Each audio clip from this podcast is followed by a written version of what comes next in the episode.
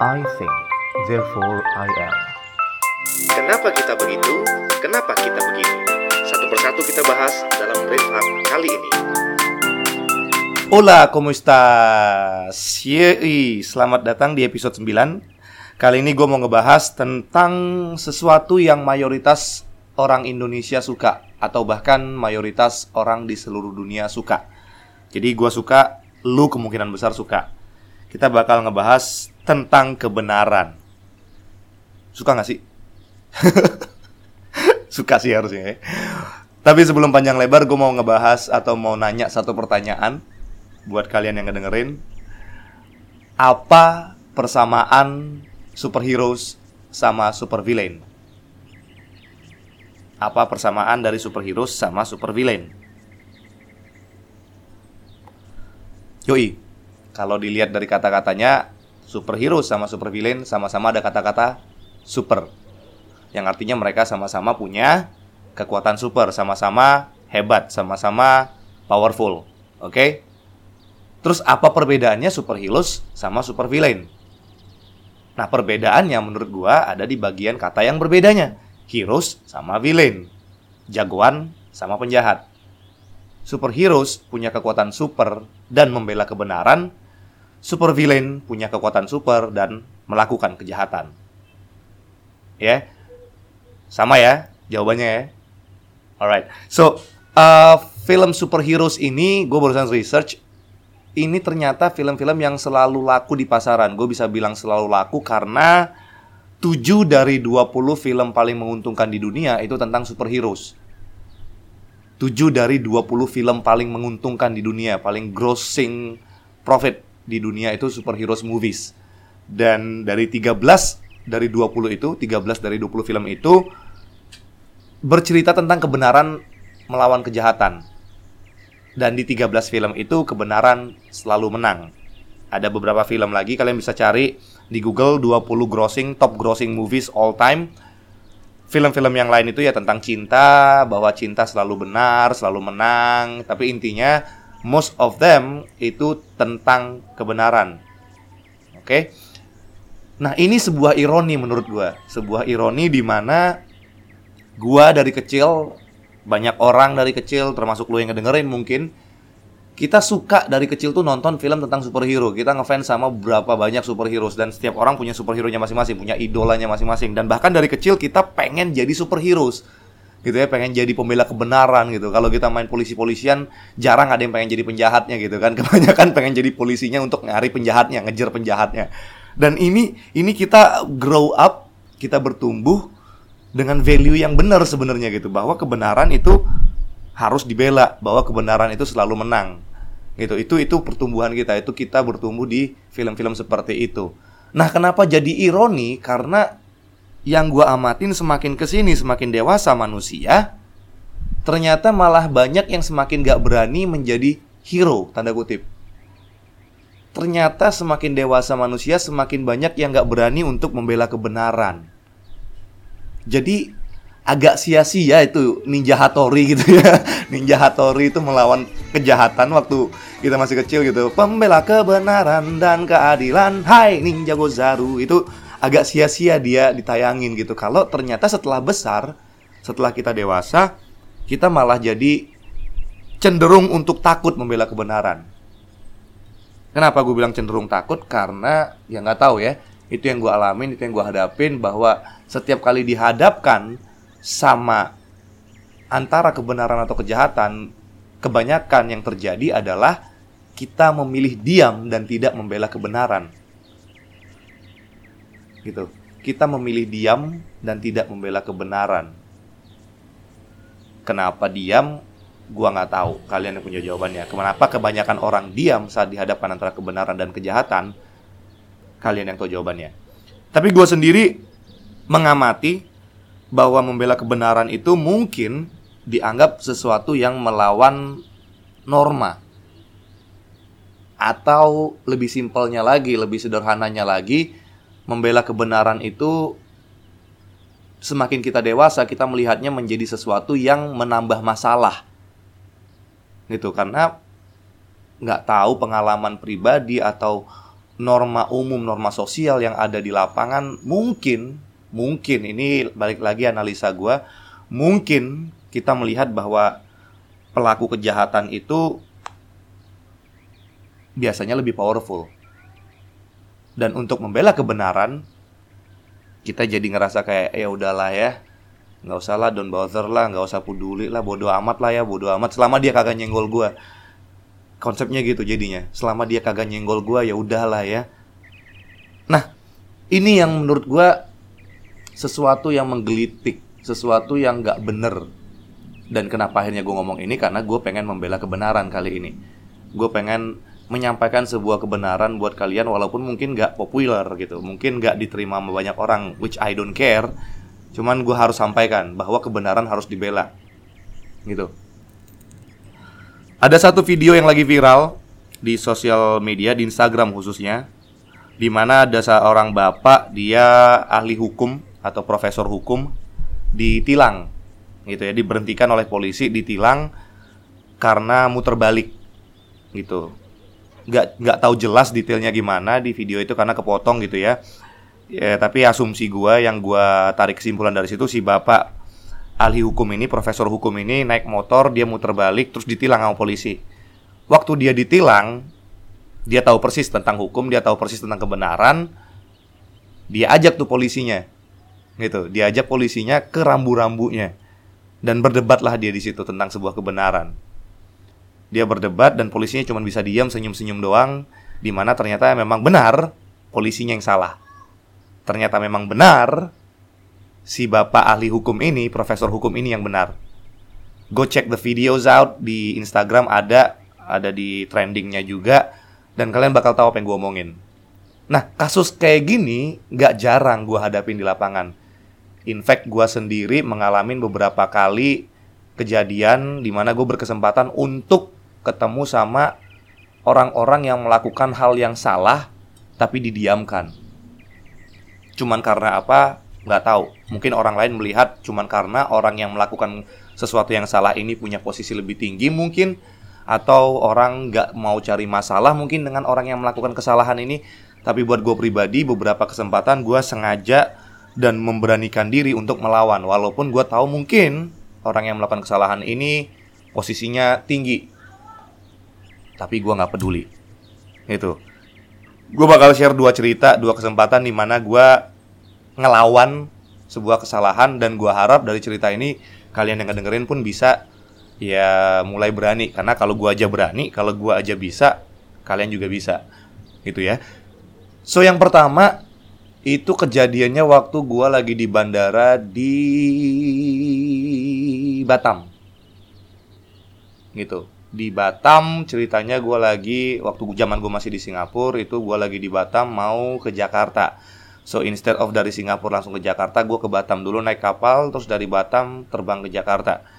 Dan waktu gue di bandara di Batam itu Hang Nadim gue ngantri untuk check in di belakang seorang abri. Yang gue nggak tahu tujuannya apa yang jelas dia abri berpakaian dinas gitu ya TNI, Polri, apa pun itulah berpakaian dinas. Gue lupa dia angkatan darat, angkatan apa gitu. Dan di depan gue ini dia bawa dua troli. Barangnya banyak. Gitu. Mungkin baru liburan atau apa pun itu alasannya. Yang jelas di depan gue dia bawa dua troli yang barangnya banyak banget. Exactly bener-bener satu orang di depan gue. Jadi habis dia langsung gue. Dan habis dia check in, habis dia check in, dia naruh barangnya ke bagasi, jalan aja tuh ngeloyor gitu. Jalan aja ngeloyor trolinya di depan gua bahkan gak dipinggirin.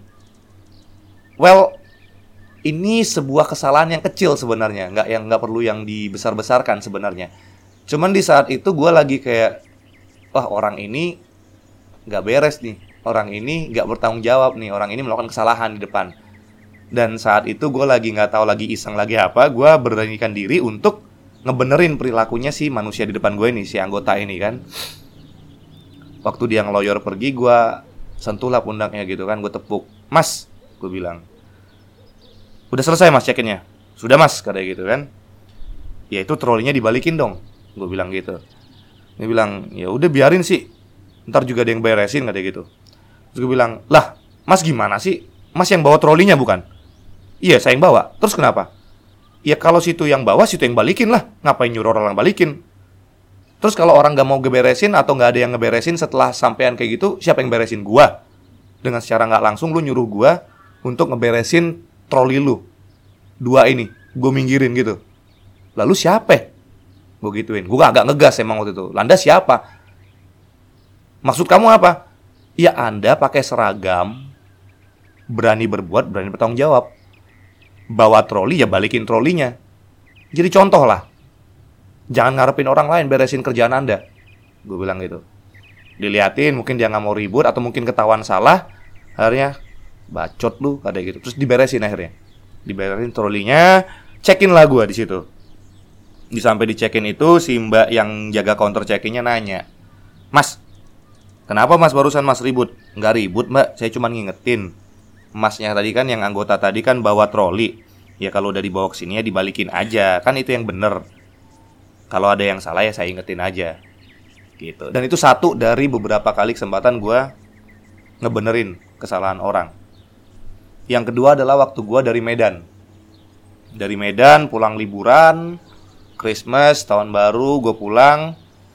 Mau balik ke Jakarta, kebetulan pesawat gue gue naik Lion. Ya tahu lah ya namanya Lion itu pasti terkenal ngaret gitu ya. Kalau kalian pernah naik Lion pasti kalian tahu Lion itu ya udah expect lah, udah beli tiket Lion sama dengan udah siap telat gitu. So sama. Mental gue waktu itu adalah ya gue beli tiket Lion Air. Dulu belum banyak berkecelakaan lah ini masih masih cukup aman bisa dibilang gitu. Gue beli tiket Lion Air.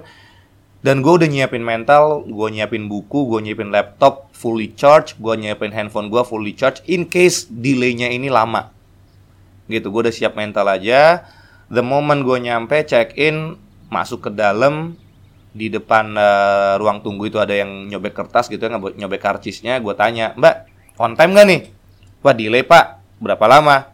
Ya paling cepat satu jam lagi. Paling lama, wah kurang tahu pak. Oke di kepala gue, oke satu jam nunggu, nggak masalah. Gue masih punya handphone, gitu kan? Bisa main game, bisa buka Instagram, bisa buka YouTube apa pun itu. Ya udah gitu, satu jam gue tungguin, satu jam berlalu, ada pengumuman, delay satu jam lagi. Oh ya udah, gue tenang, ya kan? Karena delay satu jam lagi ya udahlah tenang gitu kan yang tadinya pesawat berangkat jam 6 sore, ini udah jam 7 dikasih tahu bakal delay sampai jam 8 malam. Ya udahlah bodo amat. Lanjutin gua kegiatan gua untuk nunggu delay itu. Bosan sama handphone, gue buka buku, baca buku. Jam 7.45 malam, pengumuman lagi. Delay lagi, satu jam lagi, jadi jam 9. Wah, rusuh tuh, gerasa gerusuk gitu kan, gerasa gerusuk. Penumpang-penumpang lain gitu kan udah mulai ribut gitu. Apaan sih ini Lion? Woi, Lion, woi telat woi segala macem gitu gitu udah mulai ribut udah mulai ribut udah ngelihat nih ini orang-orang kalau tahu udah beli tiket lain ya udah siap mental dong ya harusnya gitu kan dan di situ banyak juga anggota gitu yang udah telat gitu well di sini yang salah Lion betul dan gua nggak ambil Lion ya nah itu di sini gua nggak ambil Lion karena ya berhak. Mereka yang komplain ini berhak. Cuman komplain ini jadi tidak sepenuhnya benar buat gua karena seharusnya mereka tahu Lion Air itu sudah terbiasa telat. Seharusnya mereka sudah bisa menurunkan ekspektasi mereka terhadap keterlambatan yang pasti atau kemungkinan besar deh kemungkinan besar bakal terjadi kalau mereka pesan tiket Lion Air. Gitu. Udah lewat 8 lewat 8.15 8.30 makin ribut makin ribut makin ribut. Hampir jam 9 pengumuman lagi delay lagi satu jam lagi. Total 4 jam delaynya. Dari jam 6 harusnya jadi jam 10 nyampe nya itu jadwalnya. Dan gak tahu bakal delay sampai jam berapa gitu kan?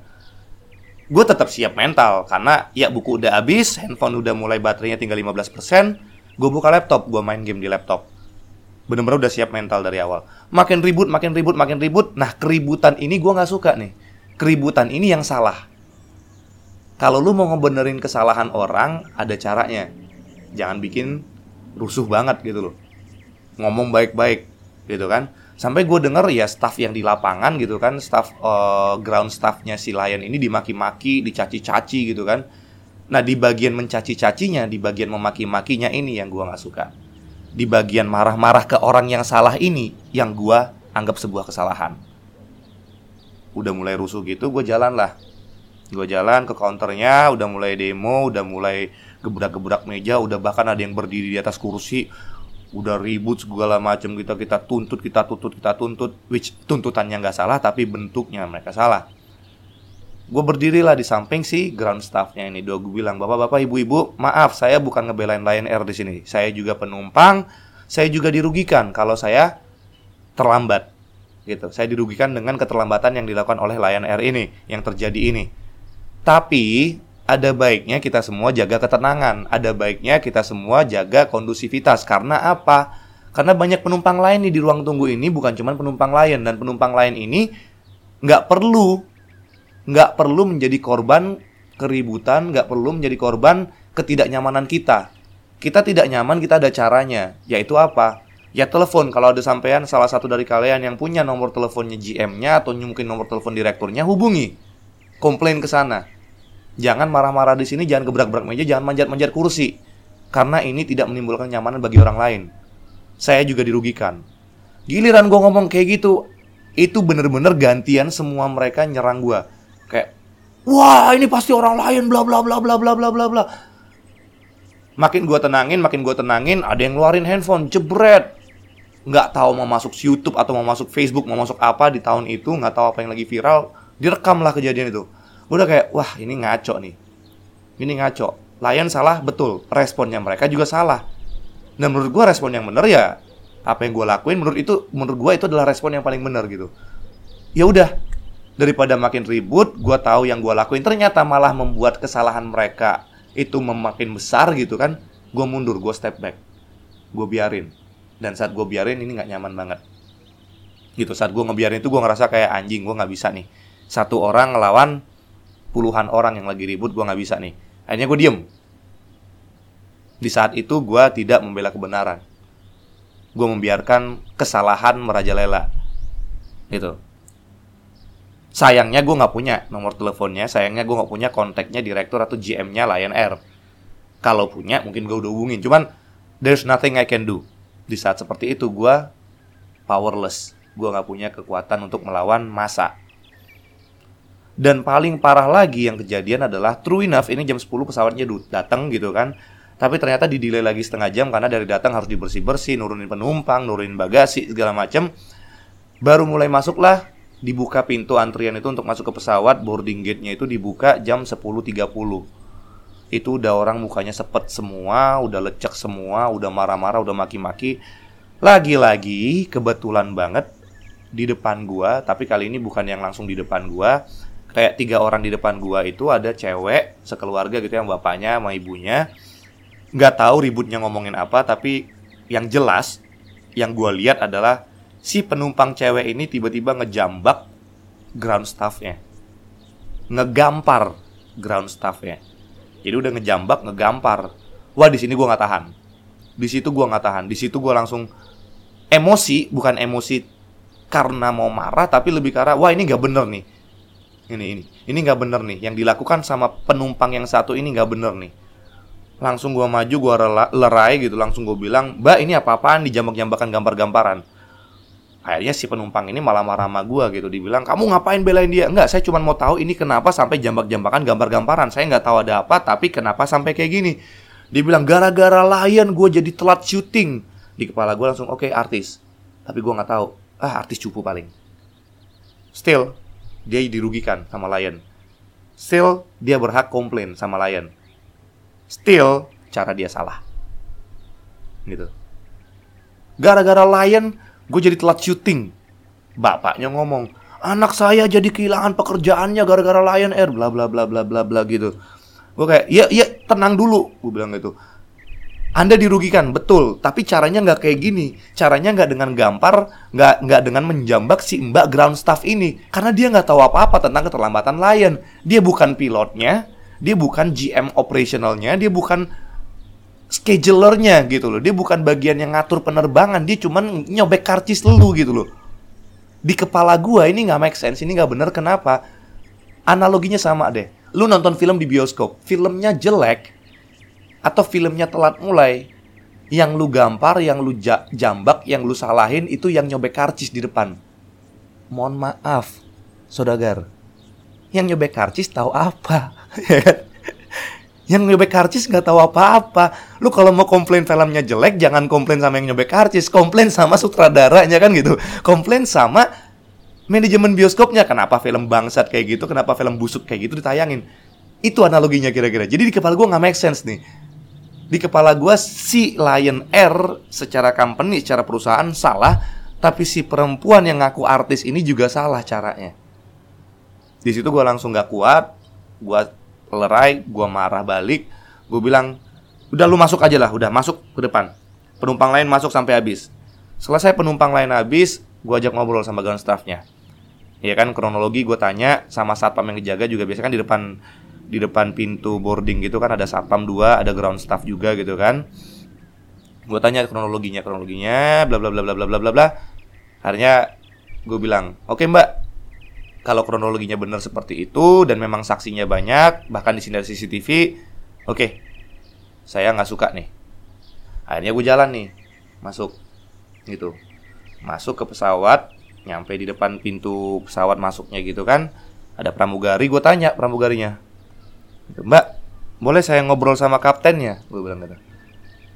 Boleh saya ngobrol sama pilotnya? Buat apa pak? Saya pengen ngobrol karena kebetulan tadi ada masalah di boarding gate. Oke pak, silahkan. Buka pintu kokpit, jebret kaptennya keluar. Gue bilang, Pak Kapten, Pak Pilot, maaf Pak, ada peraturan di perusahaan penerbangan betul ya? Di penerbangan Indonesia ada peraturan di mana dilarang ada hewan di dalam pesawat. Betul ya? Iya. Tidak boleh ada binatang ya dalam pesawat ya? Betul. Saya mau laporan pak. Laporan apa mas ada binatang di pesawat ini dan saya harap pesawat ini tidak terbang sebelum binatang itu dikeluarkan dari pesawat karena bisa mengganggu kenyamanan penumpang lain. Oh, betul Pak, betul. Terima kasih laporannya. Di mana binatangnya? Kursi nomor berapa? Yang bawa binatang? Oh, bukan Pak. Binatangnya duduk di kursi nomor sekian. Ah, maksudnya Mas? Iya, binatangnya duduk di kursi yang nomor itu tuh, yang itu tuh. Binatangnya rambut panjang tuh perempuan itu binatang, gue bilang gitu perempuan itu tidak memanusiakan manusia, dia tidak berperi kemanusiaan, dia berlaku seperti binatang tadi waktu di pintu masuk, waktu di boarding gate. Gue ceritain akhirnya, kronologinya seperti yang diceritakan sama ground staff. Kalau Pak Pilot tidak percaya bisa ngobrol sama ground staffnya, bisa lihat CCTV-nya. Karena saya tidak bersedia terbang bersama orang itu. Saya tahu Anda salah, Anda harus akui kesalahan Anda sebagai perwakilan Lion Air bahwa Anda terlambat. Tapi saya juga tidak suka ada perlakuan seperti itu. Jadi saya harap Anda meminta maaf atas keterlambatan ini. Kalau memang ada kompensasi dari Lion Air silahkan dibagikan ke penumpang, tapi juga tindak itu perempuan. Terus gue duduk ke meja, eh ke meja. Terus gue duduk ke kursi gue, yang kebetulan kayak lima baris di belakang si cewek itu gitu kan. Datanglah pilotnya, gitu kan. Datanglah pilotnya, ngomong ke mbaknya, Mbak, diharapkan turun, bla bla bla bla bla bla bla. Makin teriak-teriak nih cewek. Penumpang yang lain makin teriak-teriak Woi pilot bangsat, woi pilot buruan jalan, woi udah telat gue segala macam gitu. Udah udah mulai ribut ribut ribut ribut ribut. Dengar kayak gini gue panas lagi dong. Gue naik lagi, gue samperin lagi tuh Pak pilot sama si cewek yang lagi di situ. Samperin, "Mbak, yang laporan tadi tuh saya." Terus penumpang yang lain langsung, "Wah, lu cari masalah lu bla bla bla bla bla bla bla." Gue langsung bilang ke semua penumpang yang lain, gue teriak itu, "Sebentar. Saya di sini bukan mewakili Lion Air, saya di sini mewakili kalian semua juga sebagai penumpang. Kita tahu kita terlambat, kita sama-sama didudukin sama Lion Air, tapi perlakuan Mbak ini, tindakan Mbak ini terhadap ground staff tadi nggak bisa dimaafin. Gue bilang gitu. Mbak turun atau Mbak minta maaf sama ground staffnya tadi, baru kita terbang. Gue bilang gitu. Kalau gue nggak mau turun gimana? Ya minta maaf, gampang kok. Kalau gue nggak mau minta maaf, ya turun, gampang. Gue bilang gitu. Bapaknya berdiri, jebret, pakai jas. Dia bilang, kamu tahu saya siapa? Gue tanya balik, bapak tahu saya siapa? Saya ini jaksa. Saya nggak peduli pak. Justru bapak jaksa, bapak tahu kebenaran seperti apa. Anak anda bisa dituntut atas perbuatan tidak menyenangkan, atas pelecehan di depan umum, atas perbuatan fisik. Itu sudah kena hukum berapa tahun, nggak tahu berapa pasal udah kena barusan. Kalau Anda tahu hukum, Anda ajarin anak Anda. Kalau Anda tahu hukum, Anda hukum anak Anda. Anda berhak untuk menghukum Lion Air, tapi Anda juga wajib untuk menghukum anak Anda atas kesalahan yang dilakukan barusan. Silakan duduk, gue suruh gitu. Duduk tuh orang diem. Itu jaksa diem. Anaknya masih nggak mau. Pilotnya udah nyuruh turun, nggak mau, ngambek, diem, buang muka. Gue lempar balik, gue tanya balik. Mbak, saya ngobrol sama Anda ya, tatap saya. Anda turun atau minta maaf, pilih salah satu. Orang tuanya udah diem, gak berani ngomong. Bapaknya akhirnya setelah berapa lama diem gitu, diem-dieman, gue paksa ngomong, bapaknya akhirnya ngomong. Udah kamu minta maaf aja lah, daripada ribut, daripada lama, kata gitu. Gak mau gue, kata anak kayak gitu. Udah minta maaf, kata bapaknya. Pak pilot, panggil aja tuh ground staffnya. Bapaknya bilang gitu. Ya pak, panggil ground staffnya. Ground staffnya datang lah, dipanggil. Jebret, berdiri di samping. Jadi ada pilot, ground staff, gua. Berdiri di samping si cewek ini. Terus gue bilang, mbak, minta maaf sekarang. Gak mau. Bapaknya ngomong akhirnya. Minta maaf udah biar cepet. Yang dia minta maaf, tapi ngomongnya apa? Maaf. Bener-bener cuma gitu doang tuh. Maaf. Literally matanya nggak ngeliat, nggak ngapa-ngapain.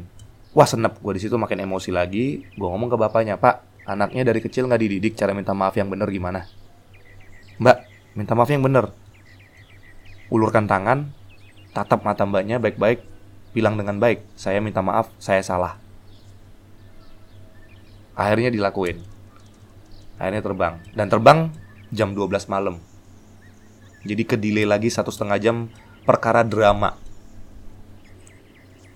dan di situ gue jelasin juga ke penumpang lain. Kita udah telat 4 jam. Buat gue nggak rugi. Dan saya rasa anda sekalian tuh nggak rugi juga untuk telat satu setengah jam lagi. Perkara ngebenerin ini. Karena kalau anda semua nggak ngebenerin ini, anda semua jadi pendukung ini. Anda semua berarti mendukung kesalahan perempuan ini. Dan anda termasuk orang-orang yang bersalah juga. Dan saya nggak mau. Saya nggak mau dianggap bersalah juga. Ada baiknya kita delay lagi, tapi ini selesai. Pak pilot silahkan terbang. Ayo terbang. Nah poin gue dari sini adalah, yes, nggak nyaman.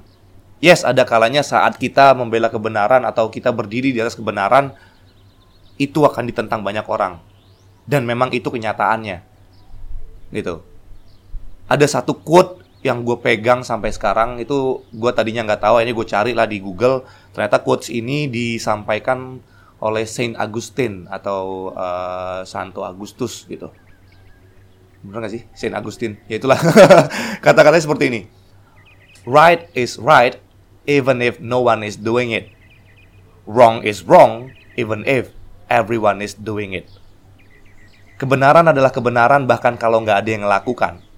Dan kesalahan adalah kesalahan bahkan kalau semua orang melakukannya. Buat gue, berdiri di atas kebenaran itu mahal. Dan buat gue, berdiri di atas kesalahan itu harganya lebih mahal lagi. So, itu aja kali ini. Buat kalian semua yang ngedengerin, I hope that you guys punya keberanian sama seperti superheroes yang kalian idam-idamkan, yang kalian elu-elukan, yang kalian suka tonton filmnya itu, have that courage. Beranilah kalau kalian benar. Karena kebenaran itu tetap kebenaran, karena kebenaran itu harganya mahal. Dan sekali lagi, kesalahan itu harganya jauh lebih mahal, jauh lebih merugikan daripada kalau kita ngelakuin kebenaran. Stay tune, stay healthy, drive safely. Sampai jumpa di episode berikutnya. Ciao, ciao.